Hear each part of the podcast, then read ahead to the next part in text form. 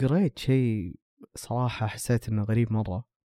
تدرون يا جماعة الغربان اسمهم مردر تسموا كذا لأن الغراب نذير شوم بقرب الموت تخيل معي إنك تكون غراب مسالم ولما تكون مكانك ويشوفك أي أحد يبدأ يتشائم ويبعد عنك وتم تصويرك بكل مكان عبر التاريخ إن جماعتك وكل نوعك هم نذير شؤم.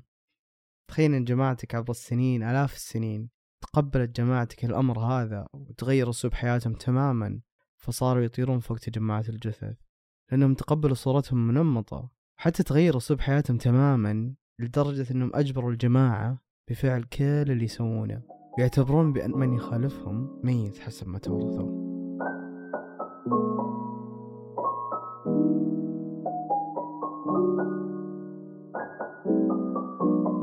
إلى اليوم أغلبنا أو كلنا تعرض لشكل من أشكال التمييط واحدة من أسوأ الأشياء اللي توارثها كثير من أفراد مجتمعنا اللي هي عادة الفرز والتقييم.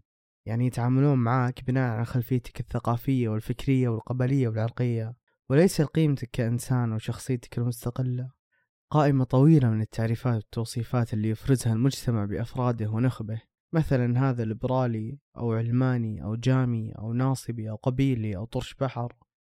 أو يتم التعامل معك حسب حسابك البنكي وهذا الحاصل كثير حاليا.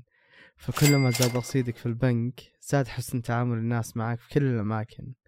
وكلما قل زادت نظرة الناس الدونية لك حتى لو كانت بشكل لا شعوري. تشوف الناس لا شعوريا ينفر من فقير ويتجه للشخص اللي يظن إنه غني وهو ببال إن الغني بيكون أفضل أو فلة أكثر وممكن ترتبط أكثر معه.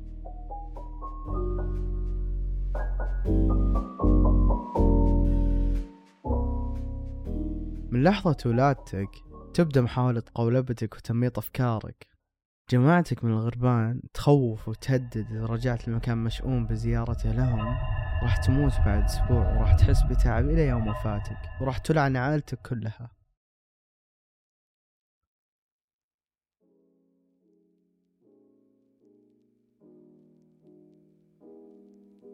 في عادة حاصلة بكثرة وهي التحرج والضيق من اسم امرأة سواء كانت بنتك أو أختك أو أمك أو زوجتك. كثير للأسف إلى اليوم لا يزال يتفشل من ذكر اسم أمه. وكلنا نذكر الفيديو لشخص يسوي مقابلات مع ناس في العامة ويسألهم. وعليكم السلام ورحمة الله. آه، اسمك كريم؟ بندر عنزي. نعم والله. آه وش اسمه؟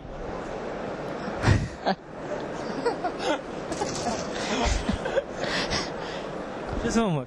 ما أعرف. عادي والله. أنادي أمي. بس أنادي أمي ما أعرف صراحة. ما أعرف. تستحي تقول اسم أمك؟ لا ما أستحي بالعكس.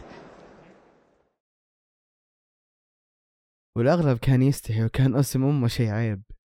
نسوا أن مريم عليه السلام موجودة بالقرآن الكريم اللي يقرأ أكثر من 2 مليار مسلم حول العالم. فإذا كان ذكر اسم المرأة شيء مخزي أو يفشل فمو من الأولى أنه ما يذكر بالقرآن الكريم. بعض العادات الجاهلية لا زالت منتشرة بشكل كبير بيننا تسبب مشاكل وتفرقة بين الناس.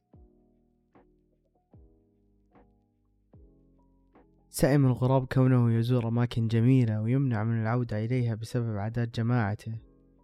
ذهب إلى جزيرة جميلة زارها مسبقا.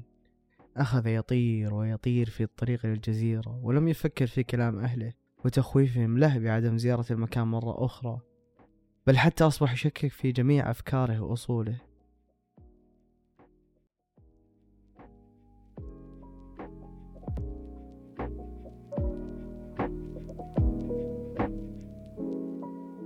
الشك هو ما يجعلنا بشر. فقط لا تأخذها على محمل الجد لا سيما النوع الذي إذا ما أعطي ملاذا سيكون أحد أكبر العوائق أمام السعادة في حياتك. طبيعي أننا نشك. بالعكس شيء كويس أن نتعلم الشك من الصغر نشكك بالمعلومات اللي نشوفها ونتلقاها عشان نتفادى أن نغرس معلومة خاطئة ببالنا. نشكك عشان نقتنع أن بالجانب الصح من الشيء وأننا ما نتبع شيء إلا ونحن على يقين فيه. خلونا نخلي التساؤل بالأشياء أمر طبيعي مو شيء ممنوع ومجرم فعله لولا تساؤلاتنا وشكوكنا لما اكتشفنا جوانب كثير من حياتنا. صورة الشك السلبية صحيحة بعض الأحيان. ومرات الشك يقتل أحلام أكثر من الفشل نفسه لكن للشك فوائد مثل ما أن له أضرار. شوية شك يجبرنا نشوف بدائل ثانية ونشوف شيء أو فكرة أو موضوع من منظور ثاني تماما.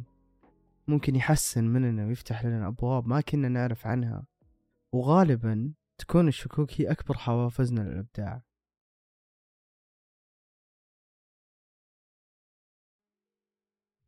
وصل الغراب للجزيرة ووجد سكانها سعداء ووجد مجموعة من طيور النورس الذين يطيرون بلا تفكير. ظن الغراب أنه لو طار معهم سيعيش بحرية. فانضم لهم ويوما بعد يوم بدأ بأخذ عاداتهم وتصرفاتهم. بدأ ينسى صفاته التي تميز عن باقي الطيور. أصبح لا يفكر كثيرا مما قلل من حدة ذكائه فقد حسه المرح وكأنه انسلخ عن كونه غرابا تماما لكي يصبح أو يحاول أن يصبح نورسا. ولكن بالحقيقة هو لم يعد لا غرابا ولم ولن يصبح نورسا بل أصبح كائنا مشوه لا يعرف ما هو. فالهوية لا تتجزأ أبدا ولا تتوزع أنصافا أو أثلاثا أو مناطق منفصلة.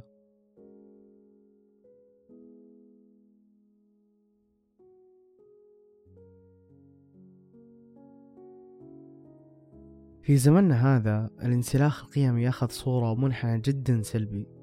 ممكن أكبر مشكلة تواجهنا بهذه الفترة هي التصادم القيمي اللي نعيشه الحين واللي يسبب لنا حيرة وشك قدام تناقض القيم داخل مجتمعنا. داخل أسرته مثلا يجد قيم تختلف كثيرا عن قيم العالم الخارجي سواء بالمدرسة أو بالمجتمع نفسه. وهذا يخلي الشخص يصير مع كل موقف يغير قيمه وما تثبت عنده قيمة معينة. فيصير الإنسان ملوء بخليط غير متجانس فيصير رهين للانفعالات اللي تحكمها العاطفة. اللي تسبب له اضطرابات في ظل عدم وجود اتزان قيمي عنده.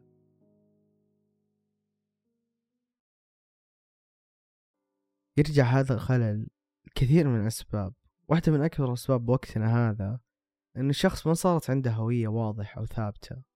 صارت هويتنا تتغير مع كل ترند وهبة واختياراتنا تتغير من كلمة من شخص مجهول وتخلينا نشك بذاتنا واختياراتنا.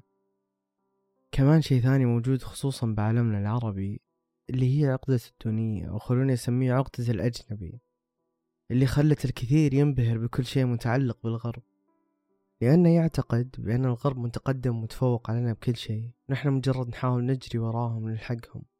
ما ننكر تفوقهم ولكن البعض أصبح عنده نفسيا هزامية.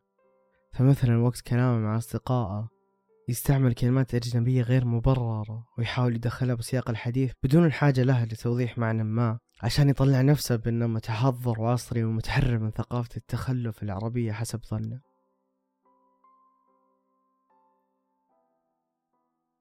وممكن أكبر سبب اللي سبب الانسلاخ القيمي عندنا هو السلوك المكافيلي اللي بدأ بالانتشار بالفترة الأخيرة.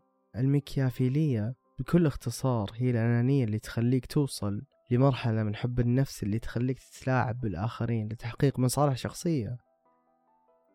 ممكن تكون بدرجات وأنواع مختلفة. فمثلا بالعلاقات الشخص المتلاعب قد يستعمل ال gaslighting أو التلاعب بالعقل حيث يقوم الشخص بهز ثقة الشخص الآخر بنفسه وإشعاره بالخوف والضعف من خلال تشكيك بعلاقاته بالآخرين أو تصرفات معينة ثانية حتى يصير الشخص يشك بنفسه بأنه هو الخطأ دائما بهذه العلاقة.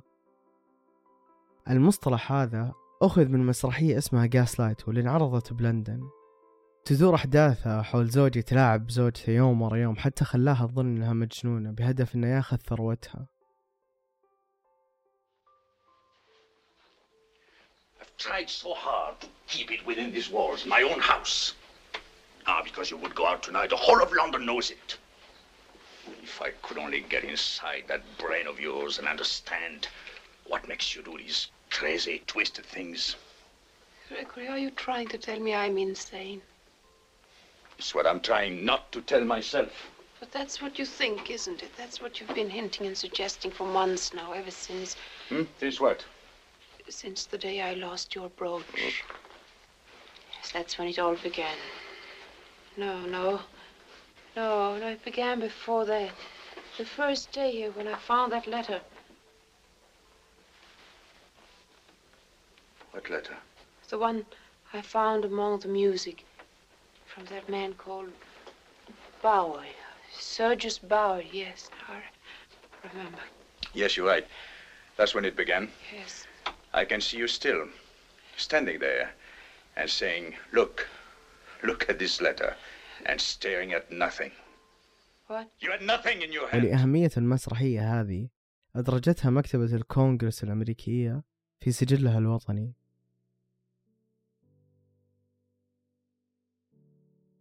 بعد مرور أسبوع من بقاء الغراب في الجزيرة مع طيور النورس ضحك واستهزأ بجماعته لأنه لم يمت بعد مرور الأسبوع في هذه الجزيرة.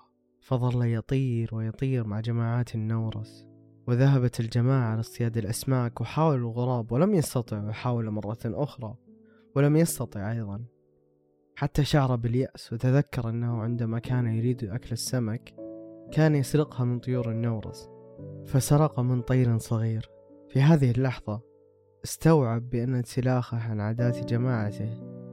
لا يعني أنه لم يعد غرابا ولا يعني موته ولا يعني أنه لا يستطيع العيش مع الجماعة بأفكار مختلفة طالما أن أصلك ثابت.